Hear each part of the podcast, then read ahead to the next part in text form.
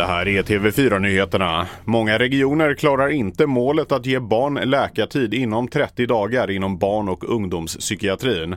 Och nu visar TV4-nyheternas granskning att läkare i den sämsta regionen Sörmland i snitt bara tar emot ett barn om dagen. Vi hör Anki Sandberg, ordförande för föreningen Attention. Varje vecka eller månad ett barn som inte mår bra får vänta är ju en evighet och betyder mycket för barnets utveckling. Jag tycker man blir ledsen när man tittar på siffrorna för man ser ju framför sig alla dessa väntande familjer.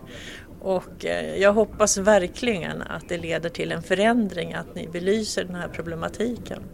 Minst 26 personer har dött sedan flera tornador svept in över delstaterna Mississippi och Alabama i USA.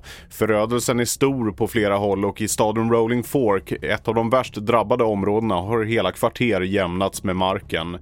Nästan hälften av alla Sveriges kommuner och regioner har utsatts för en eller flera misstänkta IT-attacker det senaste året. Det visar en enkät som TV4 Nyheterna har gjort. I veckan har bland annat skolskjutsar och trygghetslarm på flera håll i landet drabbats av störningar på grund av hackerattacker. Mer nyheter hittar du på tv4.se och i appen.